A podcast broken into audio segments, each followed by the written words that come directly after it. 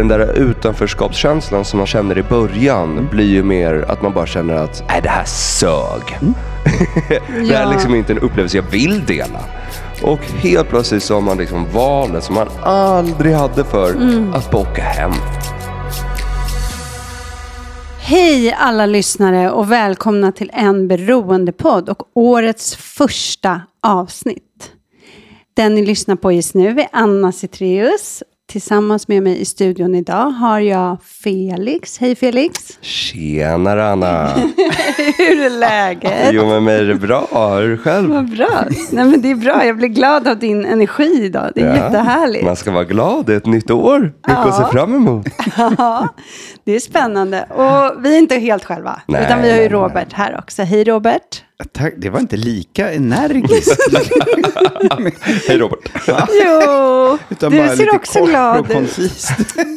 ja, men jag är också här. Ja, Tack det så är mycket Anna Tack och lov. för att du välkomnar mig. Ja. Hur är läget med dig? Ja, men det är bra. Mm. Det är fint. Rivstart på nya året. Okej. Mm. På vilket sätt då?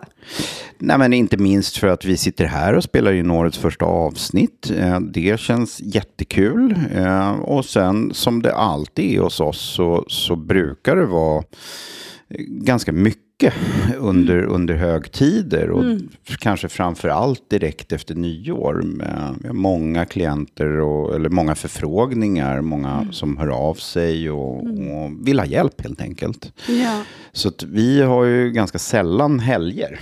Och plus att det är en ganska lång högtid om man tittar till antalet dagar också. Det börjar liksom dagen innan jul och så har vi julafton, det är juldagen, det är mellandagarna, det är prepp inför nyår, sen är det själva nyår.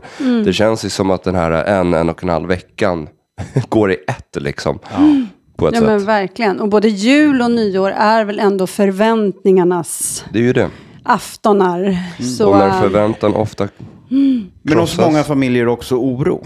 ja, men Det det verkligen. tänkte komma Förväntningar, besvikelse, oro. Så uh, ja, vi är glada att ni lyssnare är med oss där ute idag och att vi är inne på ett nytt år. Eh, men innan vi pratar mer om det så vill jag höra med dig, Robert. Hur, hur var ditt, din nyårsafton? Nej, men det var jättefint. Det var en, en eh, hemmamiddag här i Stockholm. Eh, runt 20-talet gäster. Eh, och, eh, Härligt. ja, men det var jättehärligt. Och jag tror vi pratade om det före jul redan, eller efter jul, att, att hemmamiddagar på nyår är... Jag föredrar det. Jag tycker att det är trevligast snarare än att gå ut på, på krogen och, och försöka festa. Många nyårsaftnar de senaste åren har jag firat i Berlin. Ehm, Även där är ju hemmamiddagar väldigt stort. Det känns fint tycker jag att vara med, med nära och kära. Ehm, och sen rivstartar det ju också alltid med att jag har en dotter som fyller år första januari. Ja, just det. Det har du. Så hur firade ni henne? Nej, Men vi, vi, hon var faktiskt med på den här middagen så att hon blev ju firad direkt vid tolvslaget.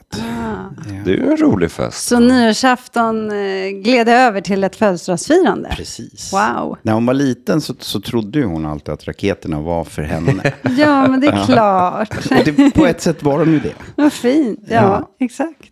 Vilken fin upplevelse ändå. Som barn. Ja. Ja. Och hur var ditt nyår, Felix? För mig var det bra.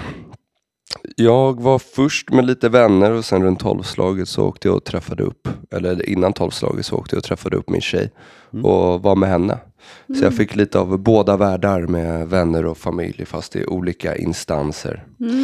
Men jag har ju, jag älskar ju att vakna fräsch den första januari. Och verkligen liksom få börja nya året på en bra kula skulle man kunna säga. Och det är för mig, alltså det, det är ju lätt, att, även fast du är nykter så kan du vara uppe och festa till 6-7 liksom. Det är ju inga konstigheter. Och det har jag gjort flera nyår också. Och Då vaknar du ju som att du är bakis. på Red Bullen och det är sömnbristen och ciggen och Jag Så- tror också att det är ljudet. Jag har en egen teori om det där varför vi faktiskt kan känna oss bakis. Eh, Jag vet inte, brukar du göra det? Mm, ja, men det händer. Men det tänker jag är liksom sömnbristen och att man kanske har dansat väldigt mycket. Alltså, så det, det är liksom... Nej, dansa gör jag inte. Men lyssna på saker gör jag.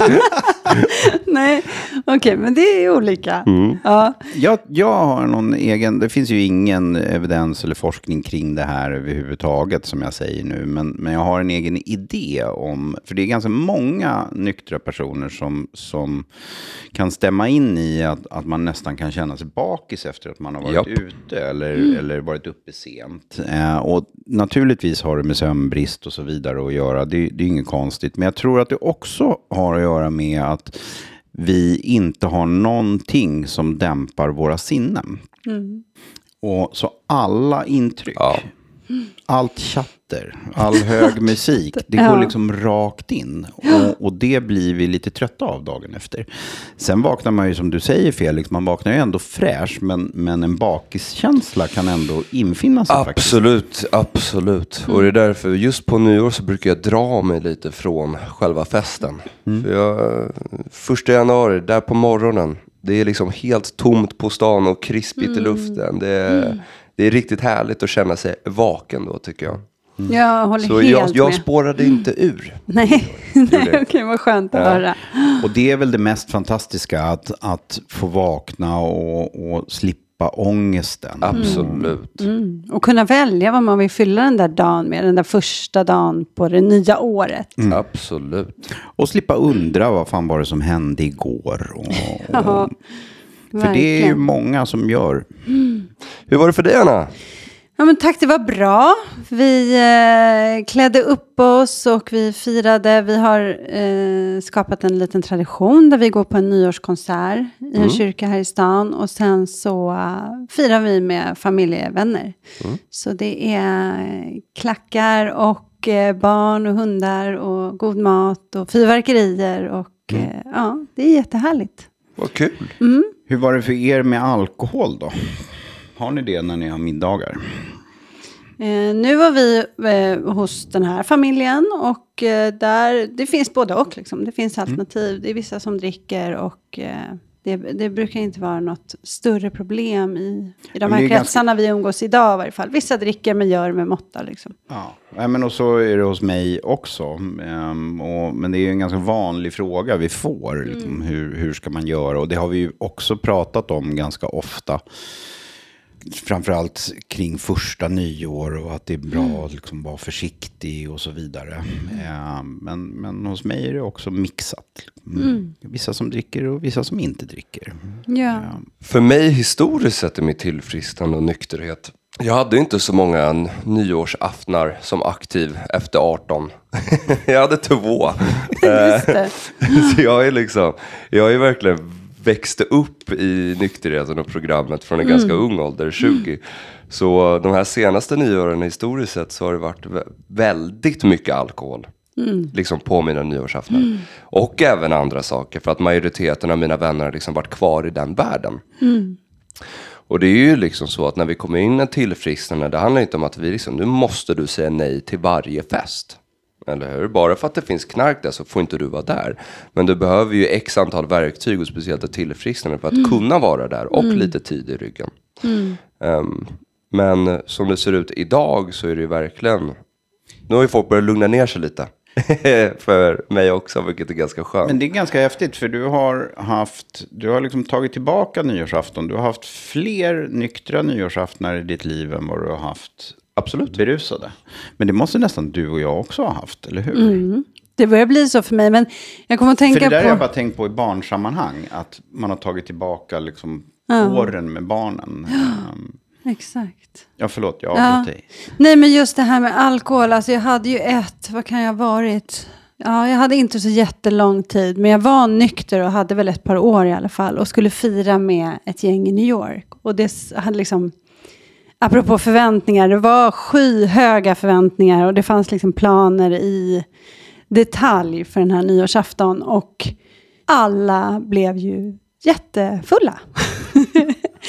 Och nu skrattar jag, men det var fruktansvärt. Alltså det var så hemskt. Det var verkligen...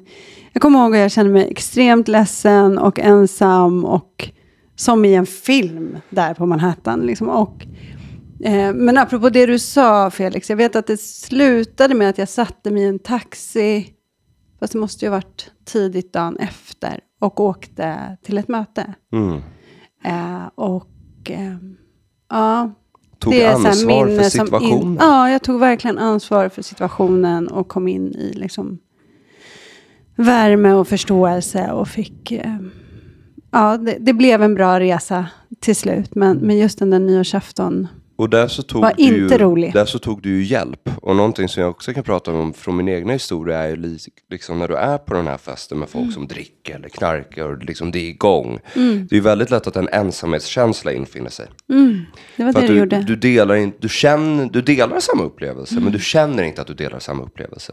Och där så är det extremt viktigt att liksom sträcka ut en hand, eller gå på ett möte, eller ringa någon och prata om den här ensamhetskänslan. För det är väldigt lätt att den kan få in en på fel vägar. Verkligen. Mitt, min, den gången jag var närmast ett återfall, det var två, några veckor efter jag var på behandlingshem. Då hade jag fått för mig att jag ska ner till södra Frankrike, för vi ska styra dagsfest.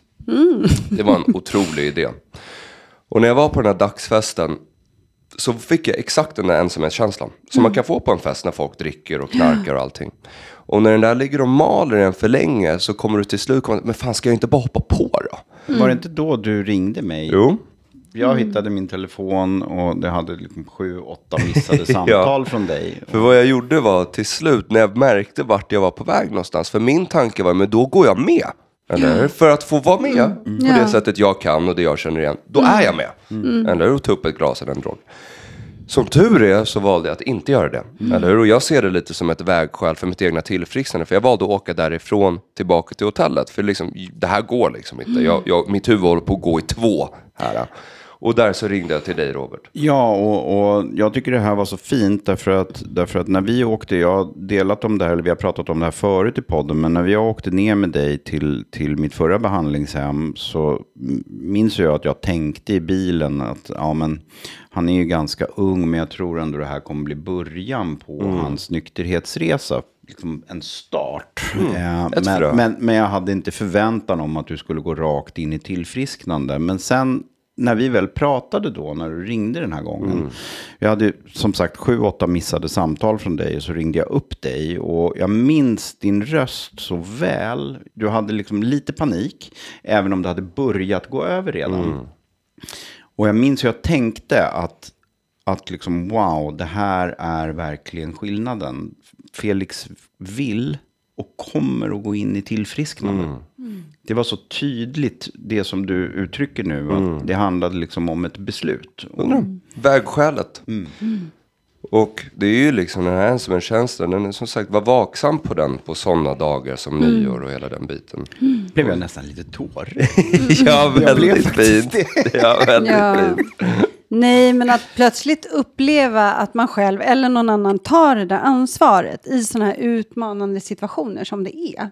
För att det där du beskrev också med att säga, jag vill ju vara med, jag ville hoppa på, jag vill vara med. Det är ju en naturlig instinkt. Vi vill vara med i flocken, vi vill inte stå utanför. Och även känslomässigt vara med. Och i alla andra liksom, eh, ja, påverkade eller liksom i en annan dimension av något slag, då är det klart att det känns ensamt trots att man är, är bland människor. Liksom. Så, Och det ja. häftiga i tillfrisknandet är ju att vi är med. I allra högsta grad. Och kanske till och med, vi som och, är med. Det är vi som är med, Exakt. precis. Och, och det är väldigt häftigt. Ja, Och- men och det kan ju kännas gåva. ensamt att vara den som är den enda som är sinnesnärvarande. Eh, precis som Ja. du beskrev, eller som jag kände där i New York. Alla kanske inte var väck, men jag var ju den enda som var helt nykter. Men just då, som du sa, att välja att ta ansvar, att faktiskt vända Jag sig. Som du gjorde till Robert. I, I början var ju det där jättejobbigt, men, men det där är någonting som, som i tillfrisknandet liksom ger med sig. Idag, tyck, Absolut. idag tycker inte jag att det är jobbigt att, att vara på fest eller umgås med folk som, eller vänner som, som dricker. Eh, Utan jag har svinkul, verkligen. I de fall jag inte har det så är det också ganska skönt att, att kunna liksom väldigt tydligt och enkelt för sig själv att nej men vad fan nu var det inget roligt längre så jag drar. Exakt. Eller jag går och lägger mig. Den där känslan försvinner 100 procent. Och det Mm. är liksom inte en, den där utanförskapskänslan som man känner i början Mm. blir ju mer att man bara känner att, precis som du säger Robert, är det här sög. Mm. det här är liksom inte en upplevelse jag, upplevelse jag vill dela. Nej. Exakt. Och helt plötsligt så har man liksom valet som man aldrig hade för Mm. att bara åka hem. Eller göra något annat. Ja. Och det är liksom inte en ledsamhetskänsla. Det är bara så Det är en vet du vad, nu är jag klar här. Det är en Ja. frihetskänsla som Ja. du säger. Det, det är verkligen en frihetskänsla som inte fanns i missbruk. Precis, friheten att kunna välja. Ja. Och det är klart att det avtar sånt här, för det är en ovana. Alltså för Exakt. mig var det det. Jag trodde typ så här, men jag är ute, ibland är jag ute nykter, ibland är jag inte det. Men så var det ju inte. Jag upptäckte ju sen att jag har ju nästan aldrig varit ute helt nykter. Mm. Det var ju det jag upptäckte. Så att det är också det att det är en ovana. Någonting som vi lär oss. Precis. Hörrni, vi har, Ja. har ju lite undringar om vad det är som händer med podden. Va? Exakt, det har kommit lite frågor till oss. Vad är det som händer med podden, Robert? Ja, ehm, det är egentligen bara ett, ett omtag som händer med podden. Podden ska inte upphöra, eh, utan tvärtom så tar vi ett, ett nytt krafttag kring podden där vi vill strukturera upp den lite mer. Eh, vi kommer inte att sluta med life stories. Eh, men vi får en ny programledare. Det känns faktiskt jättespännande. Eh, den personen är än så länge fortfarande hemlig. Allting är klart och, och eh, ordnat, men än så länge fortfarande hemlig. Den är hemlig, men vi ser väldigt mycket fram emot att få släppa den här fina nyheten. Det är så mycket, så mycket kan jag säga. Men det har verkligen kommit in många frågor. Vissa roliga, vissa tråkiga. Den vi har fått mest är ju verkligen, måste Robert vara med i så många avsnitt? Ehm, så jag tänker, vill du besvara den eller? Nu, var ju, nu vet ju du att vi ska leva i ärlighet, så frågan var ju egentligen helt tvärtom. ja, det var det. Nej. Innan dess eh, så kommer vi ju ha lite specialupplägg. Exakt. Som idag till exempel när vi kör In-house the house. Precis. När jag, Anna, Felix och Robert är här. Och vi har ju haft den här podden har hållit igång. Vi pratade om det här i förra avsnittet. Men den här podden har hållit igång i tre år i en ganska liknande anda liksom. Och vi kom ju till en punkt där vi kände att ja, men vi vill utveckla hit och Nemo vill utveckla dit. Och det, det är inte mer dramatiskt än så. Nej. Och jag menar, vi jobbar ju med utveckling här, så varför inte Ja. utveckla även våran podd Precis så. och låta Absolut. den nå liksom nya dimensioner och växa. Nya dimensioner och nya ämnen, nya typer av gäster, nya typer av diskussioner och nya, verkligen nya typer av perspektiv som vi tycker är värda att lyfta. Ja, och som ni lyssnar också efterfrågat. Så det är det, att vi vill möta er, era önskemål och era nyfikenhet så gott det går. Och där kommer vi också stoppa in lite samhällsfrågor, saker som har Japp. skrivits om eller rapporterats om, eller om det har kommit ny forskning och så vidare. Men det ramlar in hur mycket som helst just nu när det kommer till forskning om alltså, beroende och droger och samhällsanalyser och hela den, alltså, den kriminella aspekten av det. Och det är ju liksom, den fråga som vi pratar om är ju verkligen så kopplad till det samhälle som vi lever i idag. Så att verkligen börja prata om mer dagsaktuella saker också är något som vi verkligen kommer ta fram mer. Vilket Ja. ska bli kul. Så vi är glada att ni lyssnare är med oss och eh, den nya programledaren presenteras 31. Eh, och fram tills dess så får ni lyssna på oss. Och vad, som är, och vad som är viktigt att lägga till också är att det kommer inte bli någon skillnad i, i hur vi sänder programmet. Utan det är fortfarande, det kommer inte ske bakom betalvägg och det kommer inte vara reklamfinansierat. Ja, utan det, det är så vi vill göra podden så att den ska kunna finnas tillgänglig för alla. Ja, och den ska vara för alla. Det här, den här podden har varit och ska fortsätta vara en, en källa för kunskap, insikt och självförståelse. Inget annat. Och det, det är syftet med varför vi sitter här. Ja. Ja. Okej, så Robert. Förutom nyårsafton och dotterns födelsedag så har du firat något annat här i förra veckan. Vad var det? Jag firar ju ganska mycket ofta. Ja, firat att jag steg upp i morse. Ja, det var inte riktigt det jag syftade till nu. Nej, vad men syftade du på då? Jag syftade på att du har firat 23 års nykterhet. Det stämmer. Ja, Det grattis. Stort grattis. Tack så mycket. Tack så mycket. Nej, 29 december så fyllde jag 23 år nykter. Det trodde inte jag när, när jag när jag var ung. Och, ehm, för det är så man uttrycker sig i tolvstegsvärlden. Alltså när jag hade kort med tid i nykterhet så, och, och hörde eller såg människor med lång tid på möten. Så minns jag att jag kunde vara lite misstänksam. Den där gamla gubben har väl aldrig druckit eller knarkat i hela sitt liv. Han är väl bara galen. Jag menar 20 år kan man ju inte vara nykter. Det är helt overkligt. Mm. Jag Det tänker jag ju så nog- fortfarande om dig. Ja, men alltså de som Du ska har, inte säga så mycket för du är ju hack i häl, Anna. ja, jag är det. Vad skulle du säga, Felix? för mig när man såg de här som hade så här 24 år nykter, alltså de hade ju varit nyktra längre än vad jag hade levt Ja, när jag kom in i programmet. Så var det så det var bara så, här, så surrealistiskt, alltså jag tror, aha. Ja, men hur är det då att ta 23 års nykterhet? Vad, minns du ens hur det var Ja, tidigare? jag minns, jag minns väldigt, väldigt väl och jag tror jag har pratat om det i podden tidigare. Eh, Även den 22 december är ett viktigt datum för mig. eh, För det är då mitt sista återfall påbörjades och höll på i de här sju dagarna. Så även det är faktiskt ett viktigt viktigt datum. eh, att, att komma ihåg hur det var och varför det började. Och liksom vad jag hade gjort tokigt. Och på vilket sätt jag, jag inte levde i programmet. Och, och den 29 december blev avgörande. Det, jag tog ett beslut den, den morgonen tidigt. Och det har jag ju berättat många gånger här i podden tidigare. När jag vaknade upp i, i finkan hos eh, polisen högt uppe i Norrland. Mm, och bestämde mig för att jag ska pröva och vara ärlig. Just det. Det blev liksom det avgörande beslutet. Det förstod jag kanske inte där och då, utan då var det mer som en, som en tanke. Okej, men jag kanske ska pröva det här då. För jag har prövat allt annat. Idag så, så är det bara högst naturligt. Eh, jag, jag, minns, jag minns när jag hade två, tre års nykterhet och var i, i Brighton på ett eh, tolvstegskonvent. Så hörde jag, för, så var det en talare som hade en 22, 23, 24 års nykterhet och han stod på scenen där och sa att, att eh, för varje år som går så inser jag hur lite jag visste året innan. Och jag minns hur jag där med mina två, tre års nykterhet tänkte så här, vad fan, gubben vet inte vad han snackar om. Jag har ju koll på allt. Jag har varit nykter i, liksom, vad det nu var. Högmod. Ja, det var högmod.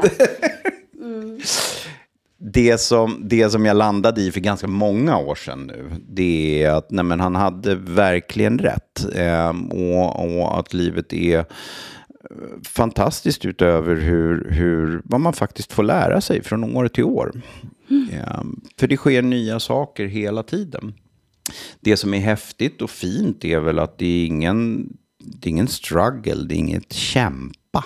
Det, det försvann för kanske 22 år sedan. Ja, det där är Och det kul. är Det, där är något jag tycker man hör ganska ofta. Eller när jag har firat årsdagar och sådär. Så här, Fan vad bra kämpat. Som att man skulle ha kämpat på i Du tio är år. så stark Anna. Ja, och, och det är bra att ni säger det där, för det där är ju kommentarer vi jätteofta får Ja, höra. det liksom, får vi. Och, och det är ju varierande kommentarer. Ibland kan man ju säga att Nej, men jag, har varit, jag har varit nykter och drogfri i 23 år. ehm, och ja, men fan vad strångt jobbat. Och liksom, men du har, du, du har bara druckit någon gång då och då. Eller? Ja, nej, men det är ju snarare så att kampen är över. Så är det, kampen är över och har varit det sedan dess. Idag är det bara en självklarhet. Ehm, och, och det jag vet att vi har snackat mycket om det, du och jag Felix, att, att alltså idag skulle jag inte ens dricka eller knarka om jag kunde. Om det skulle uppfinnas ett piller idag som sa att, att ja, men ta det här pillret så kan du dricka som en vanlig människa. Jag vill faktiskt inte längre. Därför att jag har ett sånt jäkla mycket bättre liv utan alkohol och droger. Och, och det roar inte mig. Effekten är ju inte åtråvärd. Nej. På något sätt. Och det Ingenstans. kopplar också an till det här med nyår som vi precis pratade om. Att den här känslan av ensamhet försvinner mot att nej, men nu var det här ganska tråkigt. För att du saknar inte ens effekten och, eller den upplevelse som folk delar. Exakt.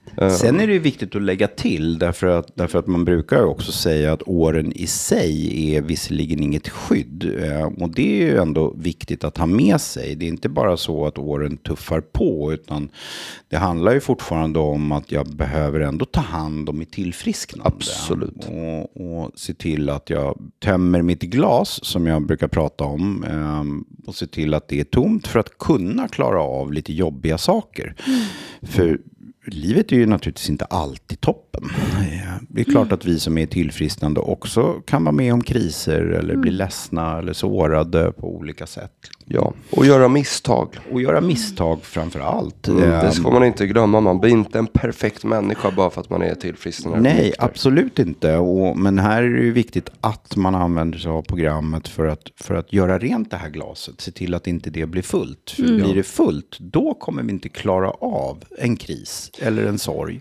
Och hur jag ser på det där, du sa där, liksom hur lite vi vet året innan. Eller hur? Och en stor anledning till den känslan är ju för att det tillfrisknande handlar verkligen om, när det kommer till de här åren, om att inte stagnera.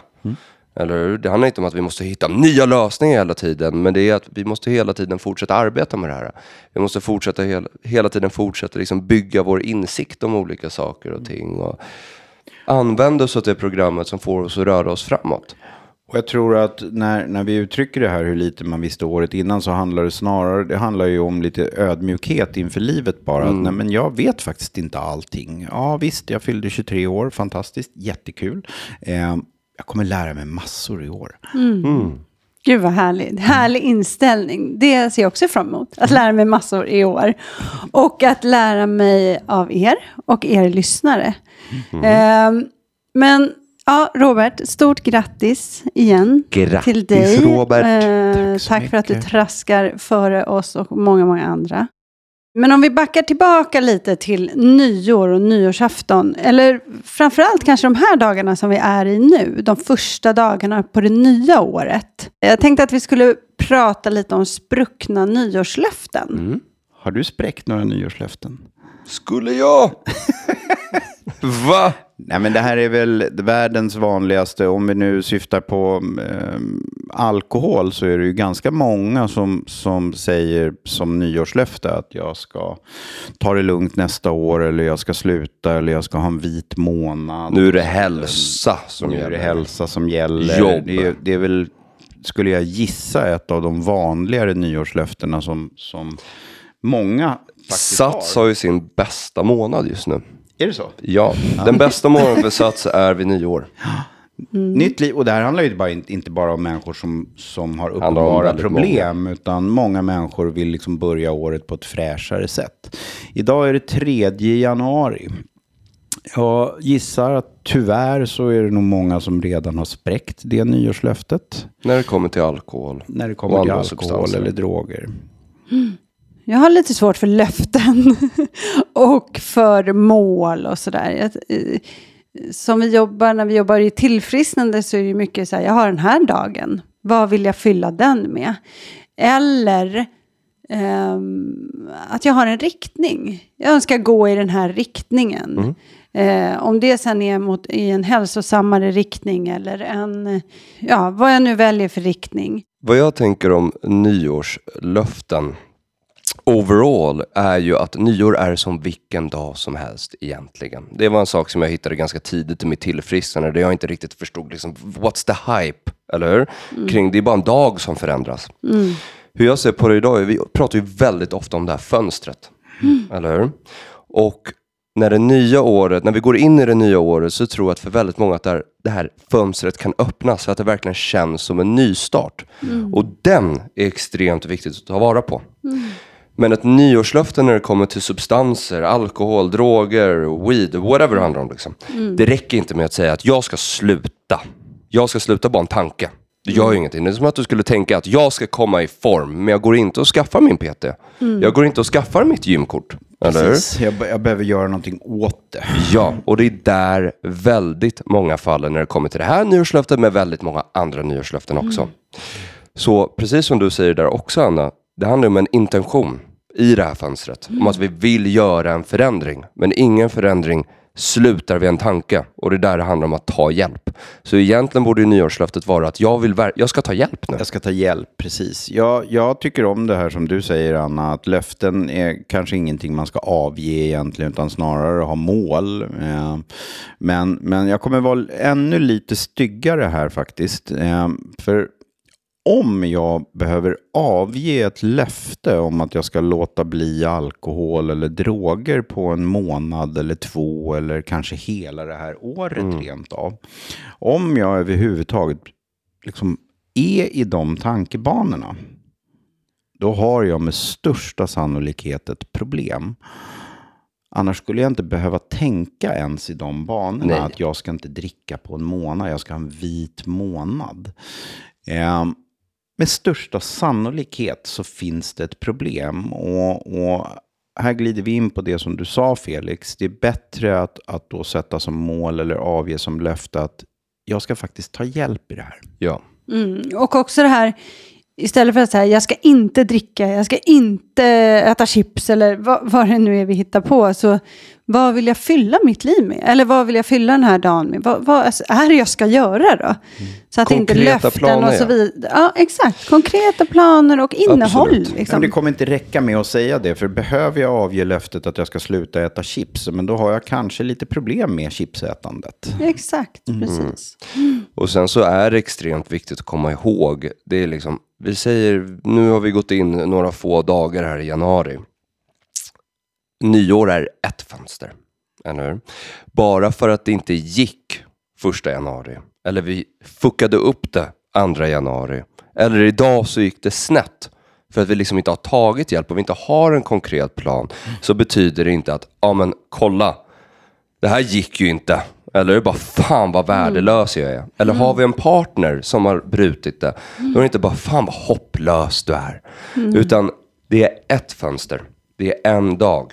Verkligen. Och det är liksom, det, det är lika bra att strunta de här tre första dagarna i sådana fall. Och så sätter vi igång idag. Ja. Idag fixar vi den här planen. Visst att det gick snett, men nu, tar, nu hoppar vi upp på hästen igen. Ja, och jag tänker bara så här, det är ingen, vare sig Robert, Felix eller jag har ju nykterhetsdatum 1 januari. Och det säger ju allt om det du säger Det säger nu, allt. att det spelar liksom ingen roll. Min, I utan- mitten av juni. Ja. Inte för att alla ska gå runt här och vänta till juni. Ja, säga jag, jag har ja. faktiskt en kompis som, som har första januari. Ja, grattis och, till din och var kompis. på samma nyårsfest som, som den här personen. Mm. Ja, det är egentligen en lång historia. Vi ska inte berätta den personens historia. Men, men jag minns att jag sa den första januari tidigt på morgonen att, eh, till min dåvarande hustru, men alltså det där som hände igår, det var skitbra. För att den här personen Mm. kommer att vakna till av det här. Och det gjorde han också. Mm. Så som sagt, oavsett vad. Det viktigaste i det här är att ta hjälp när det kommer till beroende eller problematisk ställning kring substanser.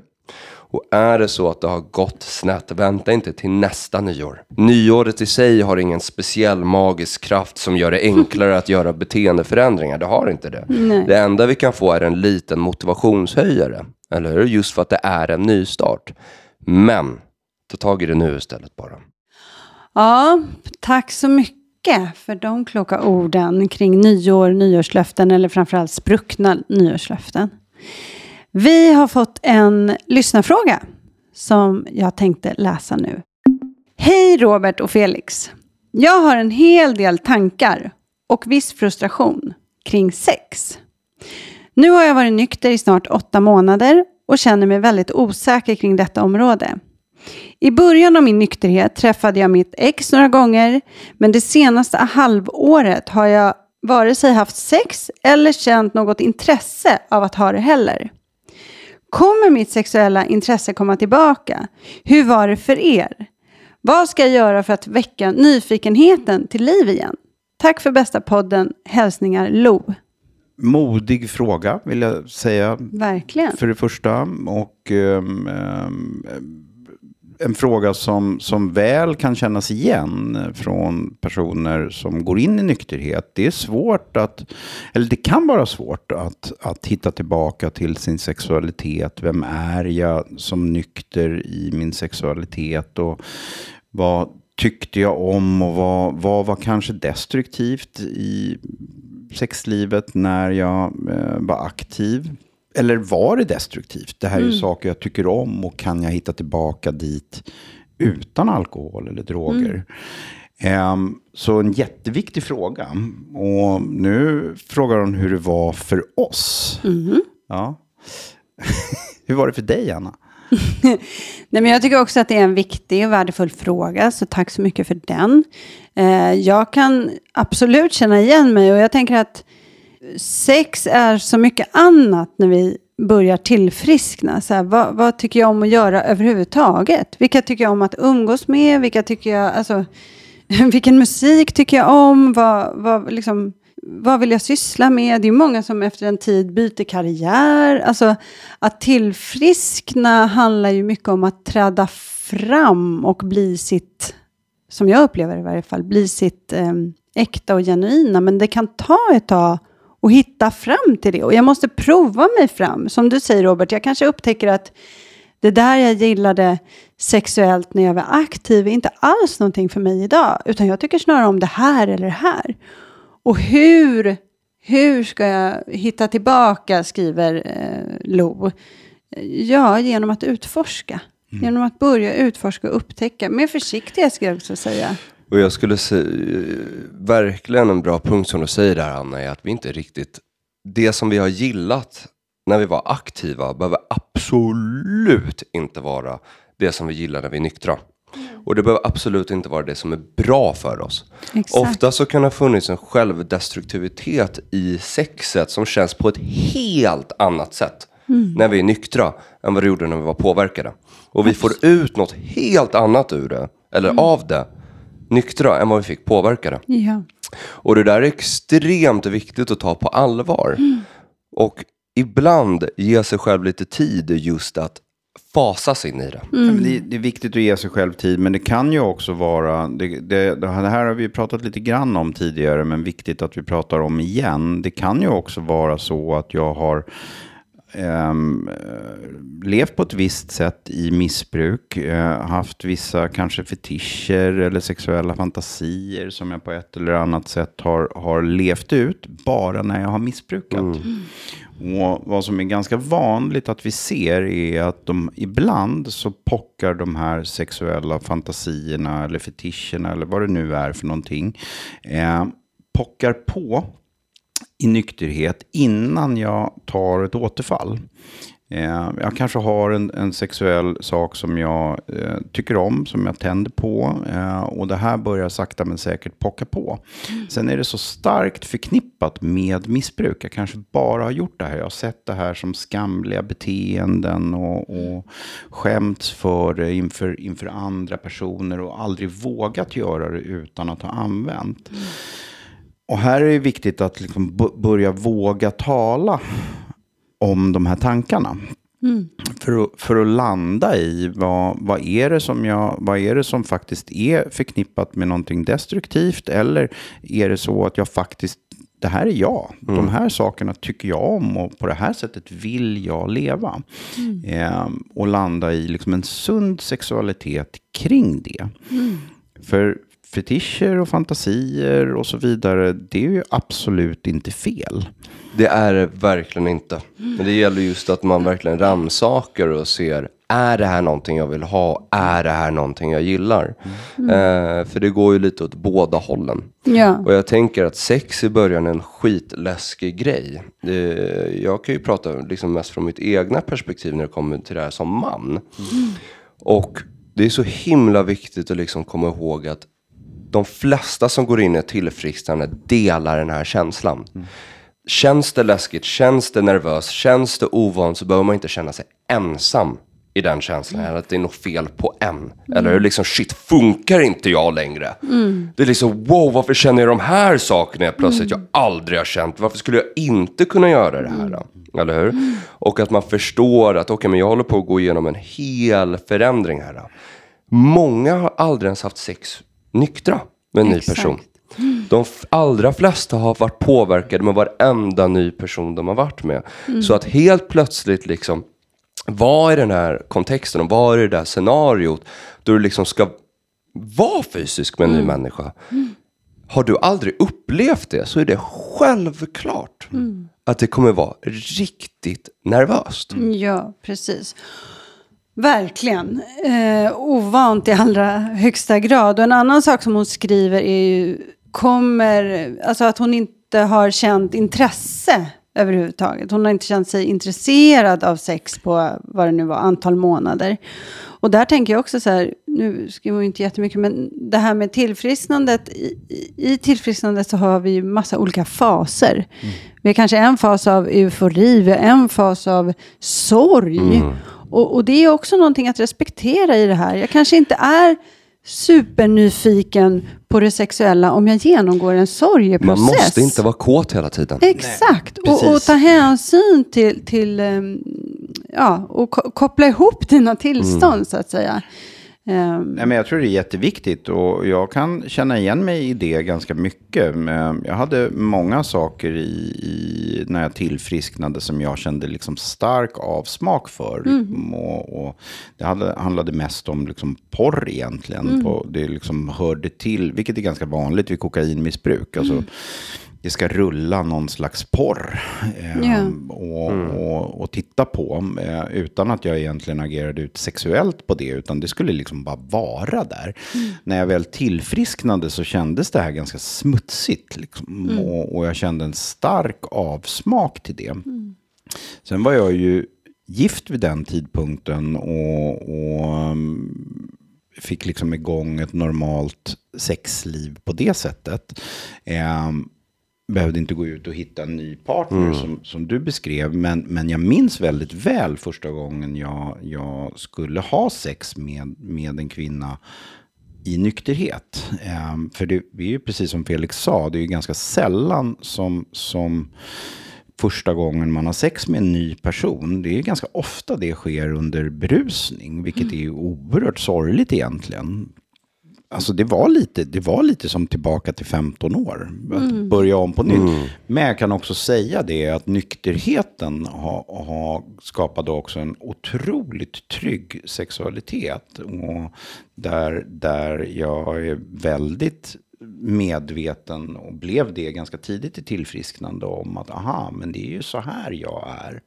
Ehm, och landade det på ett, på ett väldigt bra sätt och ett sunt sätt. Det handlar verkligen om att lära känna sig själv. För vi kan ha levt på ett sätt i det aktiva.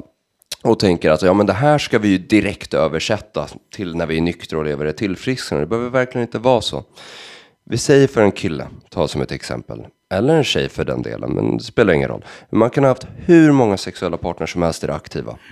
Och så kommer du ut i tillfrisknande och du kan till och med märka att men jag är inte ens en kille som gillar att ha så många partners. Eller hur? Men där får man inte heller fastna i den här klyftan. Med, men jag vill ju vara den personen. Vilket jag har märkt att väldigt många gör. Men jag vill ju vara som förr när det kommer till det sexuella. Jo, men du kanske inte är det. Eller hur? Men det betyder inte att det inte finns något nytt att hitta i det här. Det betyder inte att det inte finns något bättre att hitta i ens sexuella liv. Bara för att man har varit på ett sätt innan där man känner sig bekväm. Och jag kommer också ihåg första gången man skulle vara med någon ny i sitt tillfrisknande. Liksom. Och jag kommer till och med ihåg första gången som man skulle vara med någon som hade varit med både det aktiva och i tillfrisknandet. Och vad jag hittade, ifall jag pratar om mig själv, jag hittade att jag var en helt annan människa. Alltså jag var, jag var inte ens lika, jag visste inte vem jag var sexuellt. Jag försökte liksom vara den som jag var när jag var aktiv, liksom bara yes. Men jag märkte liksom, den där känslan, den där gränsen, den fanns liksom inte där. Eller hur? Och det satt, jag blev jätteförvirrad. För det blir ju som någon form av identitetskris Ja. i det här. Där man känner sig, här är jag bekväm sexuellt. Och sen är det borta.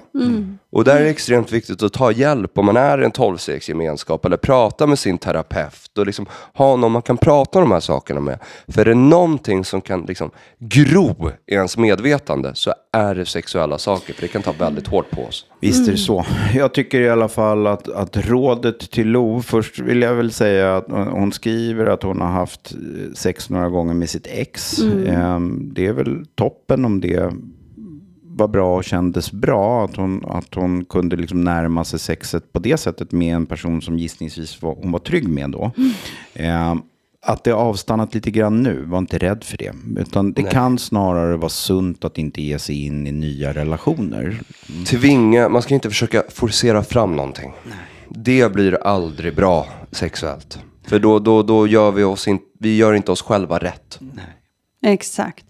Eh, nej men verkligen inte. För det, det jag tänker är att i missbruket så är det väldigt många av oss som också har missbrukat just sex eller våra kroppar, blivit utnyttjade eller utnyttjat andra eller både och. Så eh, ta, precis som ni säger, ta hjälp, eh, utforska men gör det med försiktighet. Eh, upptäck utan att ha bråttom, utan snarare visa din, din kropp och din själ och, och ja, din livssituation just nu hänsyn. Då är det tillfrisknande. Liksom. Så ta, ta det lugnt. Självkärlek. Ja. Hörrni, tack för idag. Vi börjar närma oss slutet va? ja, det gör vi. Tack själva. Alltid lika härligt att få sitta här i studion med er. Och har man frågor man vill ställa oss, då skickar man dem till vår Instagram. Ja. ät en beroendepodd. Det är Precis. väldigt viktigt. De kommer lite här och var. Men vi kommer försöka ha Instagram som en liten frågecentral. Och det är samma Instagram som vi alltid har haft. Ja. Och skulle man vilja kontakta oss för en, ja, om man undrar om house eller sådär, vad gör man då? Då mejlar man till vår underbara Alicia på alicia at thehouserehab.com. Eller så kan man ringa och telefonnumret står på. Thehouserehab.com som är vår hemsida. Precis. Ja. Vi ser väldigt mycket fram emot de här avsnitten som kommer här i januari. Och att få släppa vår nya programledare i slutet av månaden. Så det ska bli väldigt spännande att se, se, se vart det här tar vägen Ja. tillsammans. Ja, precis. Vi ser mycket fram emot det här året 2024 tillsammans med er lyssnare. Tack för idag hörni. Tack för idag. Hej då!